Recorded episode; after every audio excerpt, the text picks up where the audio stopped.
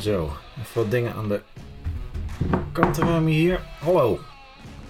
En leuk dat je weer luistert naar Veter Strict Fanatics 4. Dit is de podcast waarin ik op zoek ga naar alles wat te maken heeft met creativiteit. En ik heb vandaag weer een mooi gesprek met mijn broertje Barjan. Hij is muziekmaker, muziekmaker, producent, dat is een beter woord. Uh, van origine een drummer. Heeft ook conservatorium gedaan, maar natuurlijk niet afgemaakt zoals het een echte muzikant betaamt. En ik praat met hem over creativiteit, over of drummers ook wel eens last hebben van een writersblok en wat het verschil is tussen live creatief bezig zijn met live muziek en in de studio.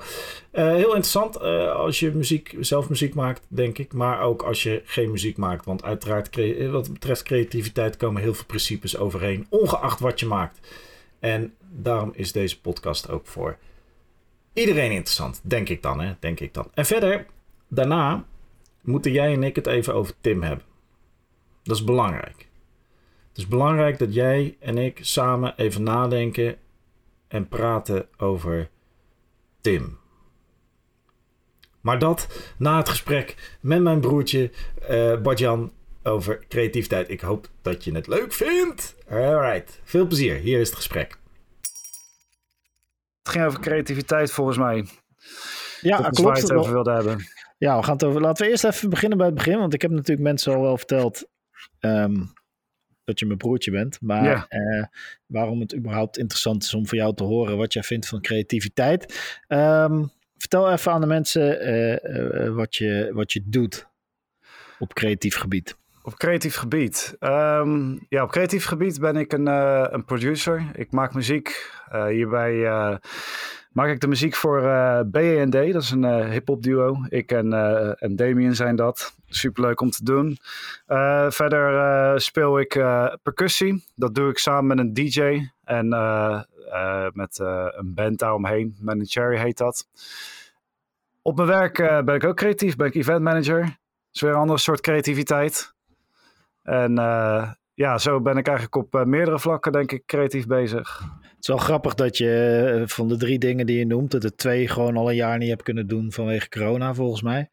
Ja, Eh, de, de, het meespelen met een DJ en eh, nou ja, event manager hebben denk ik nog wel wat dingen gedaan van de zomer. Maar ja, daar hebben we nog wel kleine groepen gehad. Ook niet echt veel. Met eh B&D zijn we wel gewoon nog lekker bezig. Komt binnenkort een nieuw album uit. En Man Cherry, dat ligt helemaal op zijn gat inderdaad. ja, bizar. Dat, eh, dat optreden gewoon niet kan. Ja, dat echt zuur. Ja, ja, ik heb één optreden gehad. En dat was een eh, privéfeest ergens in, volgens mij mei of zo. Toen eh, was er nog één iemand die had, had ons geboekt. Superleuk om te doen. Ik moet wel zeggen dat ik het erg mis. Deden festivals naar buitenland gaan. En dat waren toch wel de leuke afleidingen. En ook ja, gewoon voor publiek spelen. is gewoon ontzettend gaaf om te doen. Ja, precies. Hey, en eh, percussie, eh, wat, eh, ik, ik, ik, ik weet het, want ik heb het allemaal live meegemaakt terwijl ik huiswerk aan het maken was. Ja, ja. Maar, maar ik bedoel ook vroeger, vroeger bij pa en ma thuis. Drummen, jij ging al jij vrij jong toch al, drummen? ja ik volgens mij... dat jij op het begin af aan al op, op met stokken op dingen stond te rammen. Ja, zo herinner ik me ook wel. Ik weet nog dat, er, dat we een piano hadden, zo'n klein speelgoedpianootje. En een Oh ja. aantal eh, trommels. En daar had ik voor mezelf eh mijn aantal stokken al genoeg aan om leuk muziek uit te maken. En nou, op een gegeven moment eh, werd dat getikt zo erg dat ze maar eh, besloten om mij op drumles te zetten. Bij eh, eh, Ron van Elswijk, een fantastische leraar ook om eh, de beginselen te leren. Dus eh, daar is het begonnen en eh, ja, zodoende. Je hebt er ook met, eh, eh, hoe heet die van, eh, ben- nee, net wist ik het, nu ben ik zijn naam kwijt. Die drummer Cesar van Golden Zuidwijk. Earring. Ja, Cesar Zuidwijk. Hmm, Daar heb je ja, er ook wel eens les van gehad of mee gedrumd? Eh, daar heb ik les voor gegeven voor zijn school in Den Haag. Toen die, Oh, eh, ja. ja, zat hij nog, ehm, hoe heet dat gebouw nou? In, ehm, ja, even kwijt hoe dat heet. Nou, in ieder geval maakt niet uit. Ik heb, eh, ik heb daar, oh, Musicon. Ja, Musicon Oh, ja. in Den Haag. Daar eh, heb ik les gegeven voor Cesar Zuiderwijk. Ook een aantal keer met hemzelf. hij heeft namelijk op de Prinsenstraat of Prinsengracht in Den Haag. Eh, heeft hij ook zelf nog een, een lokaal zitten. Daar heeft hij een aantal workshops gedaan. Ja, superleuk. Een, een man met erg veel energie en passie voor het instrument. Hey, en waar zit nou de creativiteit in bij drummen? Want je bent vooral bezig om de maat te houden voor de rest. Ehm, dat is een beetje de, het cliché wat ik, wat ik altijd uh, ja, begrijp. Dat is... Maar waar, waar, zit nou jouw creativiteit als je gewoon, uh, nou, gewoon als drummer? Um, als drummer, ondanks dat het lang geleden is, kan ik me altijd nog herinneren dat ja, het is, het is op dit moment echt wel even geleden. Maar um, het mooie van drummen is dat je, uh, je, hebt, je, hebt je, je hebt je armen, je hebt je benen. En uh, na nou ja, jaren spelen gaan die eigenlijk voor zichzelf werken. Dus dan kan je, dan hoef je niet meer bezig te zijn met de beweging of het ritme of de maat. Maar je bent bezig met wat kan ik allemaal vormen op het drumstel. En je armen en je benen doen dat gewoon. En natuurlijk mhm. moet je nog blijven oefenen. En hoe meer je oefent, hoe beter je daarin wordt. Alleen je merkt gewoon dat op een ja, ze krijgen een soort van eigen leven die. Um, je, je bent gewoon helemaal één met je, met je lichaam. Dus ja, dat, die voeren uit wat jij in je hoofd bedenkt. Dat is, een beetje hetzelfde, is een beetje hetzelfde als dat je op een gegeven moment uh, in het begin met autorijden moet je nog heel erg nadenken over de volgorde en uh, hoe je die auto gewoon überhaupt uh, rijdend houdt. Maar op een gegeven moment heb je zoveel auto gereden dat je bijna zonder na te denken het schakelen, het koppelen, de koppeling indrukken, loslaten, remmen en zo, dat dat allemaal uh, ja. Dat is natuurlijk, en sturen, dat is natuurlijk ook, dat zijn ook verschillende handelingen, vaak nog tegelijkertijd ook. Is dan uh, het drum een beetje hetzelfde idee, dat het gewoon een soort tweede natuur wordt? Ja, ik denk dat je het dan kan vergelijken met dat je een auto rijdt op een, op een dirt track en dat je hem helemaal onder controle hebt. Ja, precies. Maar eh, als je het dan hebt over uh, het, het, creatieve, um, zit die ruimte dan meer in het het bedenken van de liedjes, dat je daar de, de ritmes en de, de volgordes en de verschillende, nou ja, toch wel verschillende instrumenten van zo'n drumstel kan gebruiken? Of, of zit je, heb je tijdens een live optreden ook nog wel creativiteit? Dan kun je daar ook nog wel je eigen ei eh, in kwijt. Ja, live met de DJ's is het allemaal improvisatie. Dus dat is dat is sowieso heel creatief dan. Het is creatief en het is ook leuk omdat je uh, tijdens de spelen ben je op zoek naar wat vet klinkt bij het nummer dat op dat moment aan het spelen is. En mhm. soms kan het ook zijn dat, helemaal, dat je beter stil kan zijn, dat het nummer beter geschikt is voor een ander instrument. Uh, dat heb ik vaak bij die gasten die met een saxofoon meespelen. Dat ik denk, uh, nou, dit is wel echt gewoon uh, een moment dat je eigenlijk de hele avond stil moet zijn. met je saxofoon. ja, maar dat, ja, dat, kan, dat, kan, dat kan gebeuren. Ja, het is met drummen kan je de, de hoofdrol nemen, maar je, het is ook heel, heel vet om juist een soort in de muziek te blenden. Waardoor je een ritme bent dat wel zich herhaalt, wat af en toe uh, varieert. Alleen heel erg ondersteunend is voor de muziek zelf, in plaats van uh, als een soort van hoofdrol eroverheen gaat. En, uh, en bij het muziek maken is de creativiteit, denk ik. Um, het is een beetje het heen. Ja, je bent eigenlijk kat en muis aan het spelen met met de samples die je gebruikt, met de melodieën die je maakt, de soort synthesizers die je bouwt. Um, Op een gegeven moment vormt zich iets en dan krijg je meer ideeën. Dus dat is echt, het gaat heen en weer. Uh, En daarbij kom je soms bij, bij problemen. Je kan een nummer helemaal uitgebouwd hebben, maar dan eigenlijk geen idee hebben hoe je het nou precies in het arrangement zet. Of uh, soms heb je het idee dat je nog wat mist. Um, ja, zo, je hebt dus echt wel raakvlakken in het maken van de muziek uh, nou, in, in, een studio en live.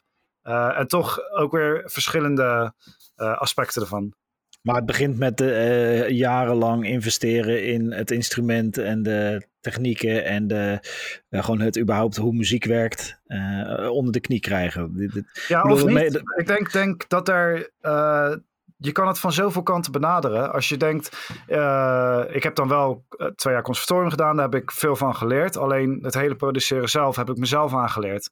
Dus ja, hoe, wat heb je nodig? Als jij een programmaatje hebt, uh, GarageBand of je hebt Ableton uh, of een ander programma, en je zet een paar samples achter elkaar en je doet dat vaak zat, dan, dan begin je ook te begrijpen waar, um, waar je naartoe kan, wat je precies kan gebruiken. Ja, zo, precies. Zo kan je met heel veel ervaring, denk ik, uh, dan kan je wat meer terugvallen als, als je ergens vast komt te zitten op je kennis, waardoor je het makkelijker op kan lossen. Maar ja, daar, het is niet per se de, als je dan aan creativiteit denkt, denk ik dat het ook in het begin, als ik dan terugluister naar bijvoorbeeld oude tracks die ik heb gemaakt, daar zit heel veel creativiteit in, juist omdat ik niks wist en daardoor maar alles probeerde. Ja, oké, maar je wist wel de basis van een metrum en uh, Ja. een ritme en, en wat, eh, weet je, je had wel al die jarenlange ervaring van het maken van muziek. Dat Ja. bedoel ik meer. Ja, Zeker als je, natuurlijk, als, je, eh, als je natuurlijk met een DJ meespeelt, eh, dan is het live en jij weet van tevoren niet of nauwelijks de, de set die die gaat spelen. Want voor een DJ die heeft ook die ruimte nog nodig om te kunnen draaien wat hij wil natuurlijk. Ja. Dus eh, ik vind het wel interessant dat je je dan eigenlijk laat je je dan bewust eh, beperken door de DJ in de muziek die die speelt. Dus dat is een soort. Ik ben, ik ben namelijk heel erg bezig de laatste tijd met dat beperkingen creativiteit bevorderen. Absoluut. Dus doordat je bepaalde keuzes maakt waar je aan vasthoudt, als, als videograaf bijvoorbeeld, dat je gewoon eens een keer denkt, nou weet je wat, ik ga alleen maar deze lens gebruiken vandaag. Eh, dat is een kader. Ehm, bij veel eh, opdrachtgevers, als je daar aan de slag gaat, is het kader gewoon het budget of de tijd die ze hebben.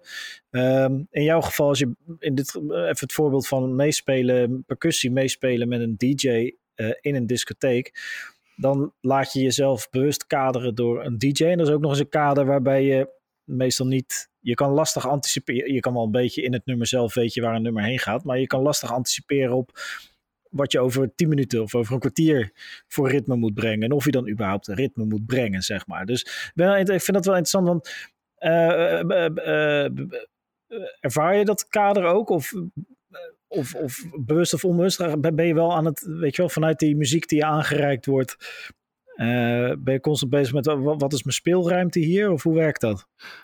Eh, met het live spelen heb ik meer dat de, inderdaad, ja, wat je zegt, de muziek die biedt een ruimte om een bepaald iets te spelen.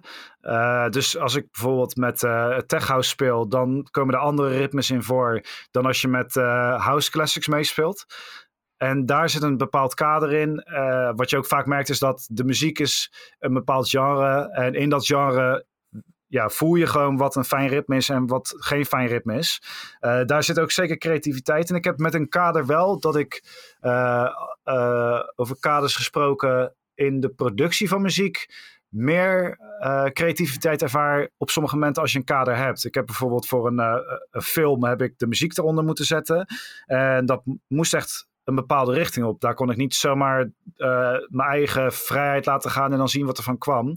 De producent Mhm. wilde een bepaald product hebben. En juist binnen die grenzen voelde ik heel veel creativiteit omkomen. Omdat je namelijk binnen de lijntjes moet kleuren. Maar ja, hoe ga je dat invullen? Daar erva- ervaarde ik meer creativiteit dan, eh, dan een, het live meespelen waar ik weet dat bepaalde soorten muziek een bepaald soort ritme verwachten. Of voor Nou, dat is wel mezelf. geinig. Ja, Ja. de, de metafoor die ik eh, de laatste tijd steeds meer gebruik, ook voor mezelf, is eh, eh, het basketbal. Mhm. Ehm, dat basketbal is alleen maar leuk omdat het veld een bepaalde grootte heeft. En omdat er regels zijn van hoe vaak je, hoe lang je een bal mag vasthouden. En vanaf waar hoeveel punten waard zijn. En Absoluut. doordat het ingekaderd is, Ja.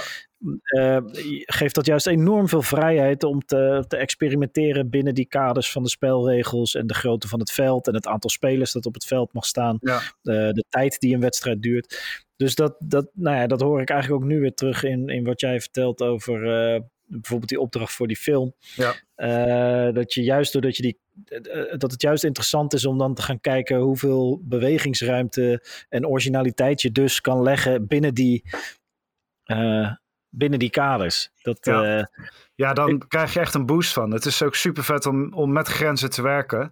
Omdat je nog creatiever wordt in ja, wat je kan gebruiken in plaats van wat je niet kan gebruiken. Ja, precies. En, en, en, eh, en als je echt eh, volledig, volledige vrijheid is eigenlijk ergens gewoon een, een manco. Omdat ja, dan ga je muziek maken, dan hoef je je niet meer vast te houden aan ritmes. Dan hoef je je niet meer vast te houden aan wat fijn klinkt. En dan kun je, weet je, dan wordt het een soort. Dan kun je net zo goed een compleet orkest een liftschacht in flikkeren en dat opnemen. Ja, maar ik denk wel dat voordat je binnen kaders kan werken, is het goed om echt alle grenzen van die creatieve vrijheid op te zoeken. Dus zonder, eh, zonder de grenzen eh, kan je namelijk alles doen. Eh, ik heb met, en dat is dan meer in mijn productie, omdat ja, daar, daar kan je gek gaan. Je kan in een productie, kan je voor de grap een bepaald geluid, kan je helemaal vervormen, distorten, zover dat het een heel ander geluid wordt. En dat weer gebruiken in een nummer wat je helemaal kapot maakt, zo gezegd. Alleen daardoor krijg je wel weer bepaalde klanken, dat als je weer een kader om je muziek heen krijgt. Dat je weet, maar ik weet wel hoe ik zoiets Ja, moet ja, creëren. Dus ik denk dat dat. ehm, ja, ik denk dat het net zoals met kinderen. In, de, in het begin eh, kleuren kinderen ook niet binnen, binnen de lijntjes. Alleen ze leren daardoor wel door hebben wat past. En, eh, en, en ook tot hoe ver je kan gaan. Want soms is het ook buiten de lijntjes juist net iets mooier dan binnen de lijntjes. Ja, Alleen true. als je dan op een gegeven moment een opdracht krijgt. Oké, maar ik wil dat je binnen de lijntjes kleurt.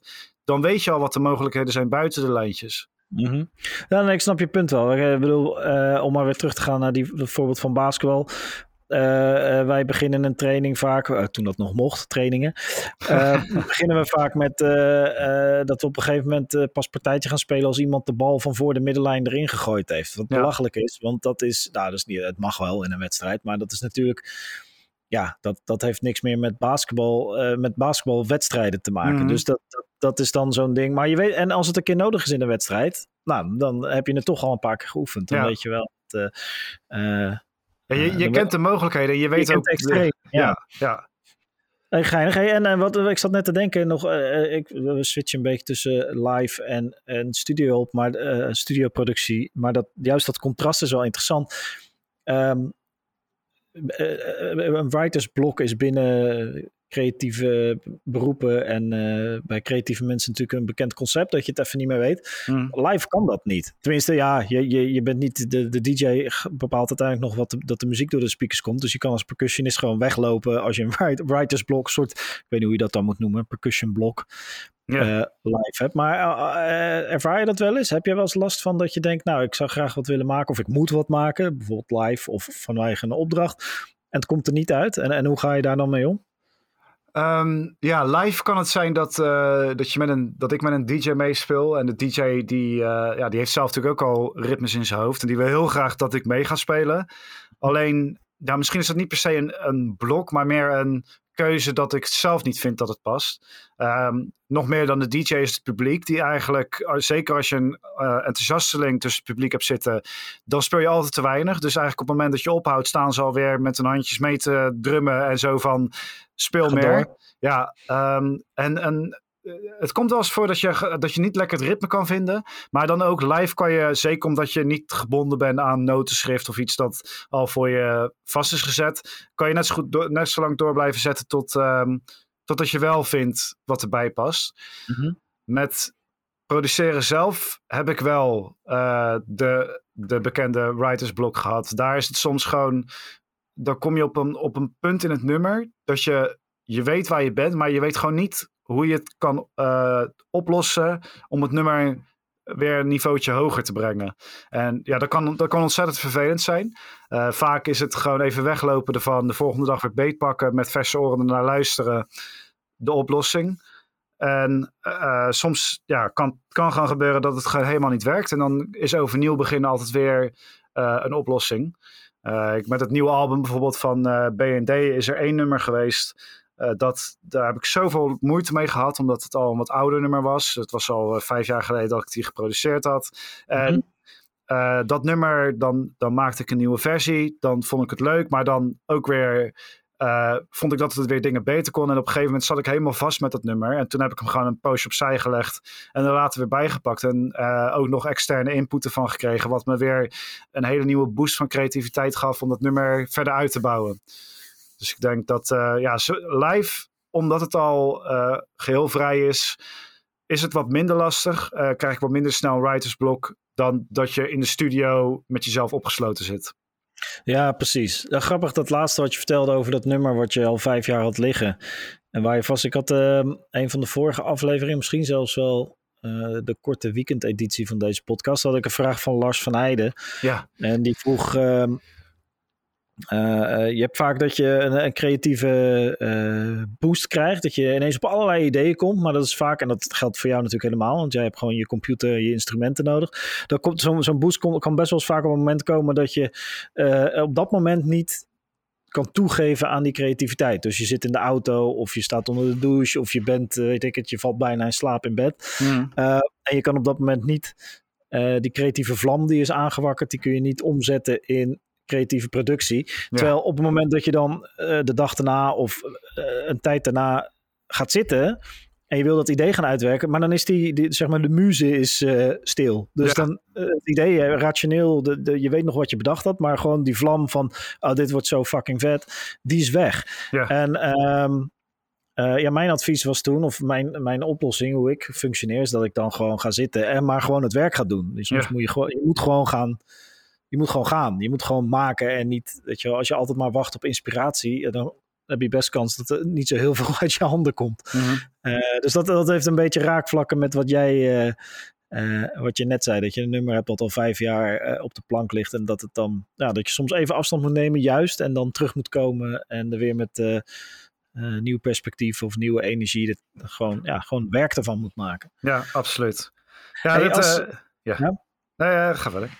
Nou, eh, als je eh, eigenlijk waar, waar ik nog, eh, wat ik wel interessant vind, is dat eh, waar ik het eigenlijk nog graag over wilde hebben, is als jij advies moet geven aan ouders die een, een kind hebben zoals jij, en dat bedoel ik in de positieve zin van het woord. Ja, ja, ja. Het heeft, het heeft twee ook- kanten. Ja, en ik bedoel het ook niet om, om pa en ma een loer te draaien, integendeel.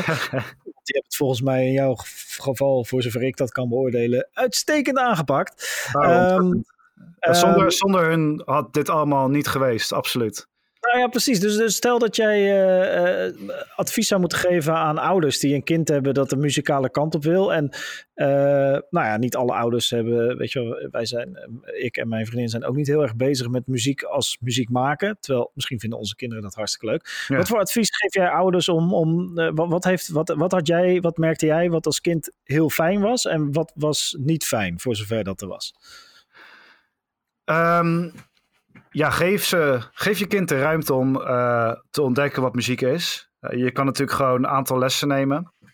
En ehm, dan kom ik eigenlijk bij mezelf ook met een soort conflict voor als, ehm, als hoe zeg je dat, als advies. Want eh, aan de ene kant, als, als ik niet gepusht was om door te gaan op het moment dat ik niet door wilde gaan, had ik misschien niet zo ver geweest. Uh, maar ik zie ook dat bij sommige, bijvoorbeeld stel nou sommige, een kind kan beginnen met drumles, maar gitaar of piano bevalt eigenlijk veel beter. Dan is het ook helemaal niet erg om te switchen. Dus aan de ene kant denk ik dat je een kind moet pushen om door die moeilijkheid heen te gaan. Zeker in, in een tijd waarin uh, met games en met eigenlijk, nou, vooral de spelletjes um, die kinderen spelen, word je eigenlijk beloond op een ontzettend snelle manier en ook heel veel.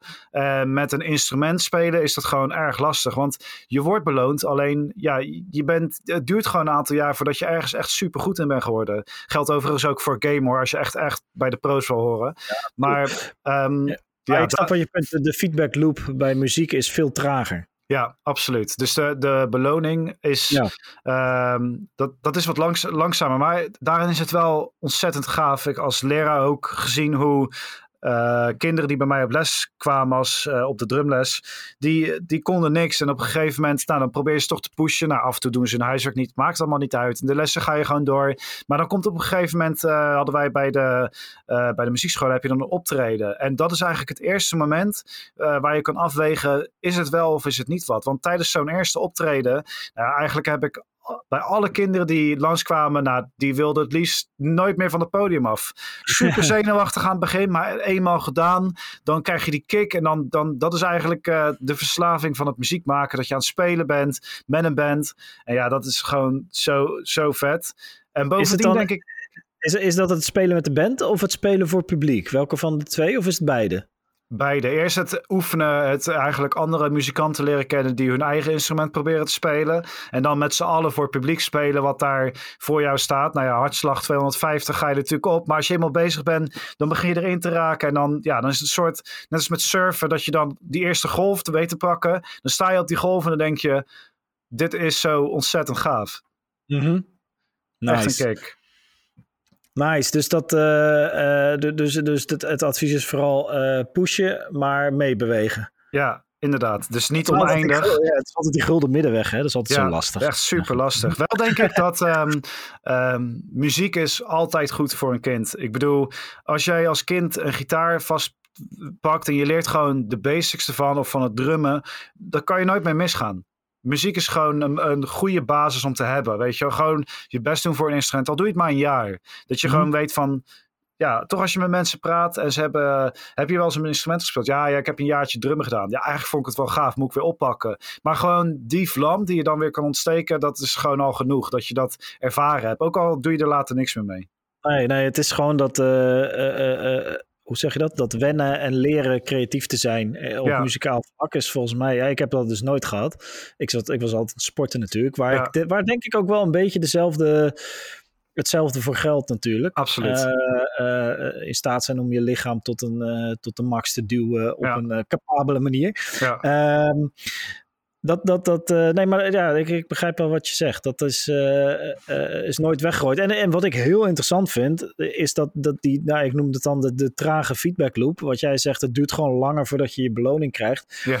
En dat is denk ik, zeker als het gaat om, ja, als je later, ook als je groter bent, of mensen die nu luisteren die al groot zijn, die al een groot mens zijn, mhm. ehm, eh, is wel een, een, een, kunde, een vaardigheid die fijn is om te hebben. Als je de discipline hebt om, om tijd en energie te investeren in iets waarbij de beloning langer op zich laat wachten. Want wat je zegt, dat geldt natuurlijk niet alleen voor games. Ik bedoel, als ik nu eh, een nieuwe camera wil, dan bestel ik een nieuwe camera. Heb ik morgen een nieuwe camera. Mm. Uh, tenminste, dat is niet helemaal waar nu met COVID. Het duurt allemaal een maand of twee langer. Maar weet je, we hebben heel veel eh, instant gratification eh, mhm. nu eh, ingebouwd in ons leven. En dat ja, zorgt ook voor dat juist het creatief, dat, dat, dat vereist wat discipline. Dat vereist ook wat je zegt. Het, het, het, het leren bespelen van dat instrument. Ja. alleen de beloning is daardoor denk ik ook veel groter en, en, en veel mooier. Dus ja. dat. Uh, ja, je, nog... ook, uh, je bent ook nooit te laat. Want ik, uh, er zijn ook mensen die wat ouder zijn en die zeggen van ja, weet je, waarom zou ik nog een instrument gaan leren? Ik heb mensen op les gehad die daar zoveel ontspanning, weg even uit het dagelijks leven. Even, al is het gewoon maar herrie maken, dat, dat het daarom gaat. Of gewoon even gewoon op die gitaar rammen of op de drums rammen. Gewoon even die energie eruit. en je kan nog zoveel leren. En dat is het ook. En het is, en, en het is, uh, er is, ik heb daar een boek over gelezen, uiteraard. Maar dat, er is, uh, dat, dat heet dan flow activity.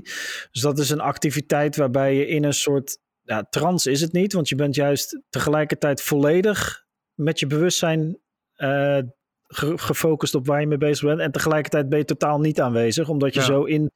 Dat je, ik heb dat met basketbal. Je kan het hebben met muziek. Je kan het ook hebben uh, als je een boek leest. Of als je een heel goed gesprek voert. Weet je. Je komt dan in een soort.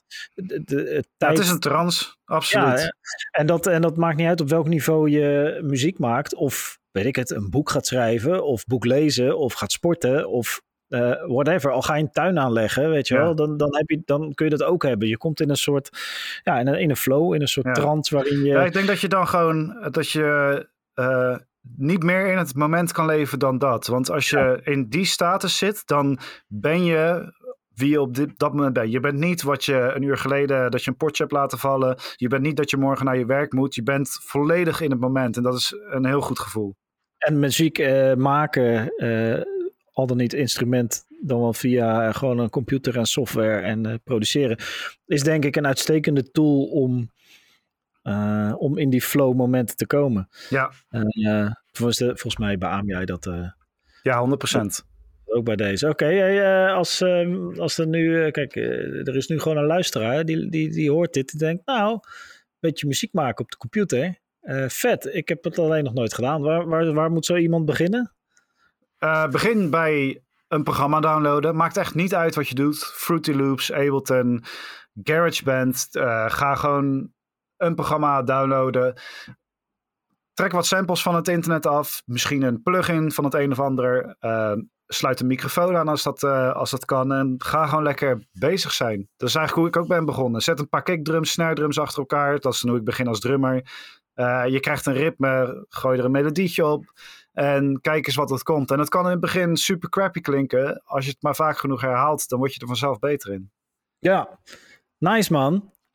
Top. Ja, ik vond het, ik vond het een heel leerzaam gesprek. Hè. Wij praten wel vaker. En dat is meestal heel, tenminste vind ik, ervaar ik als heel leuk en uh, fijn en uh, soms ook nog leerzaam. Ja, superleuk. Sowieso. Echt ja, bedankt dat ik uh, op je podcast mocht zijn. Echt ja, toch? leuk om ook over creativiteit te praten. Dat is ook een onderwerp waar, ik, waar je nooit over uitgepraat raakt. Nee, volgens mij niet, nee. En uh, hoe meer mensen ik spreek, uh, maakt niet uit in welk genre ze zitten.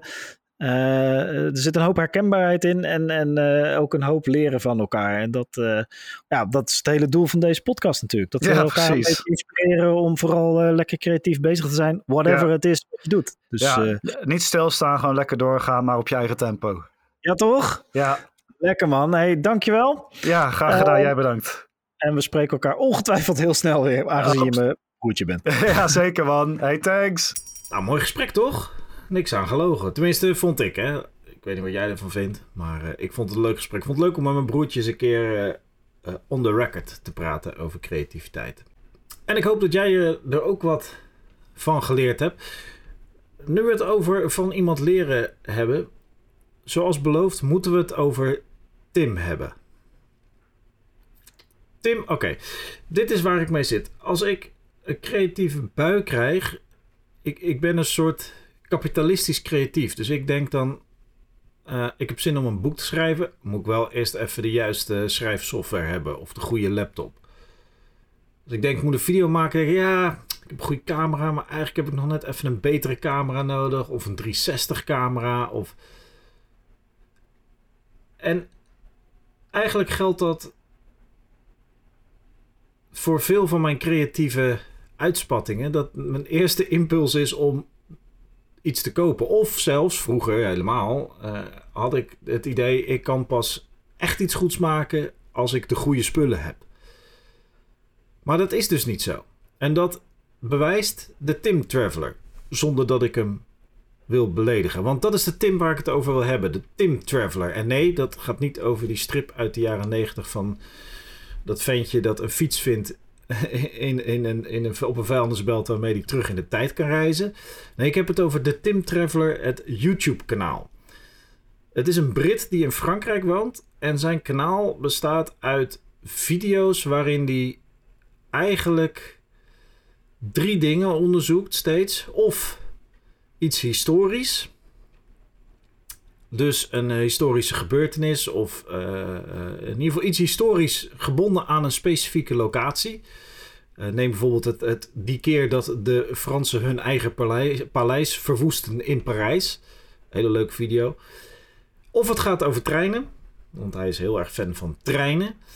of het gaat over grensconflicten. En dan niet de, de, zeg maar de Tweede Wereldoorlog conflicten, maar de, de, de kleinere, bijzondere uh, grappige grensconflicten. Uh, en hij heeft nog wel eens video's dat hij gewoon uh, de hoogste berg gaat beklimmen van bijvoorbeeld Flevoland. Kortom, hele grappige video's. Er zit heel veel humor in. Ze zijn heel interessant. Hij weet ze altijd leuk op te zetten. Zijn stem is fantastisch. Gewoon lekker een onderkoelde Brit. Met hele droge humor. Um, maar je kan duidelijk zien is geen 4K-camera die hij gebruikt. Sterker nog, hij gebruikt meestal geen gimbal als die loopt. Dus geen stabilizer.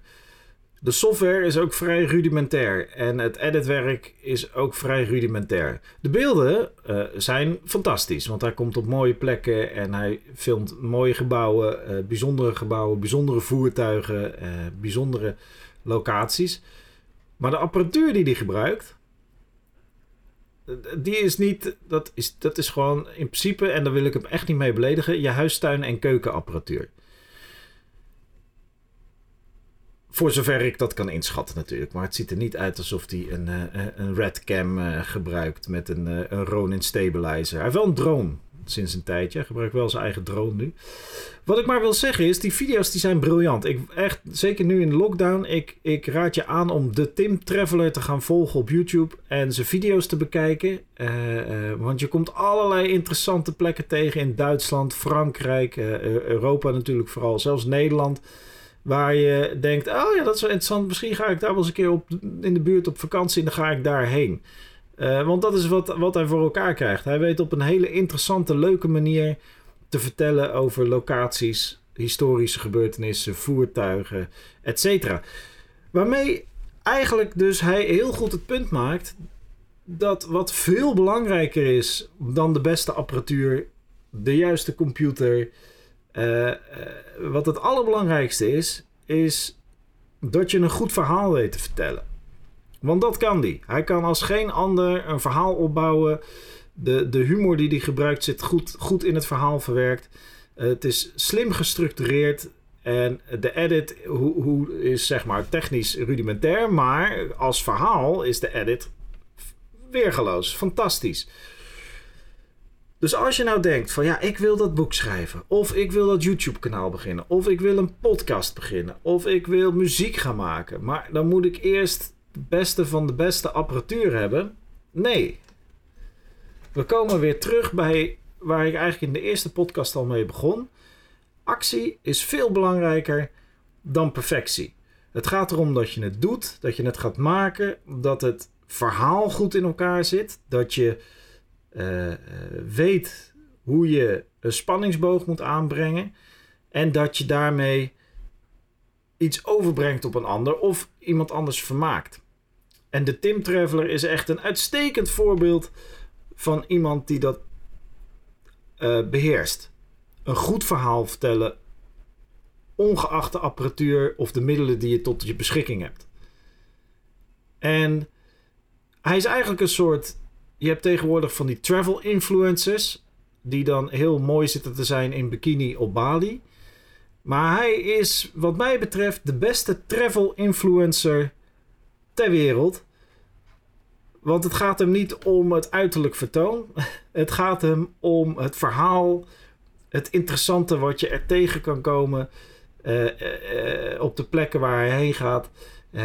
De feitjes en de manier waarop hij dat allemaal samenbrengt in een, een heel grappig verhaal. Zijn laatste film gaat over Saarland en hoe dat is ontstaan. En dat combineert hij met een interessant wandelpad. En ik heb echt hardop zitten lachen om die video dit is het soort travel influencer wat we nu nodig hebben. Gewoon een relaxte, sympathieke dude die, of vrouw, hè, dit, laat dat duidelijk zijn, die op pad gaat, leuk verhaal vertelt, zich niks aantrekt van of de juiste apparatuur wordt gebruikt, of de juiste poses worden aangenomen en die zeker niet in bikini eh, eh, op een strand gaat zitten, maar iemand die, waar overigens, als dat je ding is, blijf dat vooral doen, hè. Eh, daar is niks mis mee, maar als het gaat om travel influencer, moet je echt bij de Tim Traveler zijn. Dus een heel lang betoog.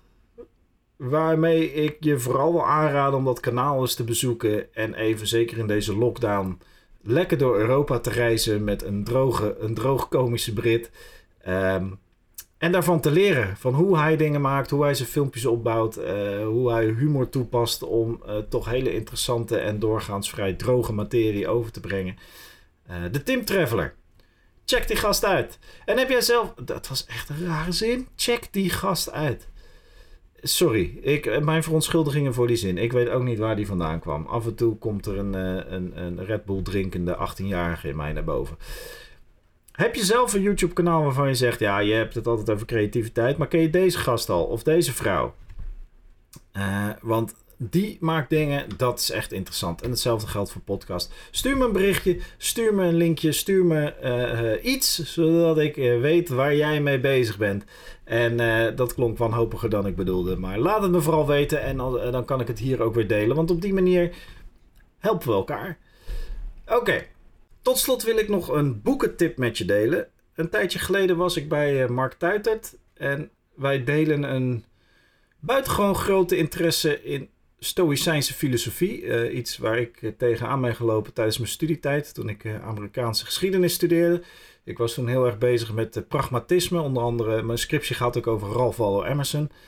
En kwam op die manier in, in aanraking met het Stoïcijns gedachtegoed, iets waar ik uh, altijd een fascinatie voor blijven houden. Iets waar ik wel uh, zeker wel in geloof. Wat ik ook probeer toe te passen in mijn eigen leven waar mogelijk. Um, en nu hebben we uh, een hoop boeken hetzelfde gelezen. En mocht je trouwens meer willen weten over Stoïcijnse filosofie. Mark die is daar specifiek mee bezig in zijn podcast. En in zijn nieuwsbrief die hij elke week verstuurt. Dus ik kan je van harte aanbevelen om de nieuwsbrief van Mark Tuiter te volgen. Uh, en ook naar zijn podcast te gaan luisteren. Want uh, nou ja, de Stoïcijnse uh, filosofie is een manier van denken en een manier van leven waar je veel aan hebt. Zeker in deze pandemische tijden, maar sowieso altijd. Het kan je helpen om, om verder te komen en om een beetje puree te maken van het leven om ons heen. Ehm, maar een van de boeken die ik niet had gelezen en een schrijver die ik ook nog niet kende, die ik daar wel op een stapeltje zag liggen, was Ryan Holiday. En dus ben ik nu begonnen in het boek. En dat gaat redelijk snel, want dit is een soort uh, action movie zelfhulpboek. Uh, van uh, Ryan Holiday, The Obstacle is the Way, the, the, Ancient Art of Turning Adversity to Advantage. En dat gaat over hoe je tegenslagen in het leven kan tackelen en als ware je een judoer de tegenslag kan ombuigen in iets positiefs. En um, dit boek is interessant. Het leest lekker snel weg en het is wel heel Amerikaans motiverend. Maar gebaseerd op het Stoïcijnse gedachtegoed en uh, helpt je om je een beetje voor te bereiden op mogelijke ellende die we toch allemaal wel eens in ons leven en sommige vaker dan andere tegenkomen. En hoe je door het perspectief in je hoofd te veranderen van elk obstakel dus een advantage kan maken, een voordeel. En ik wilde hier even een quote uitdelen met jullie. Eigenlijk twee quotes.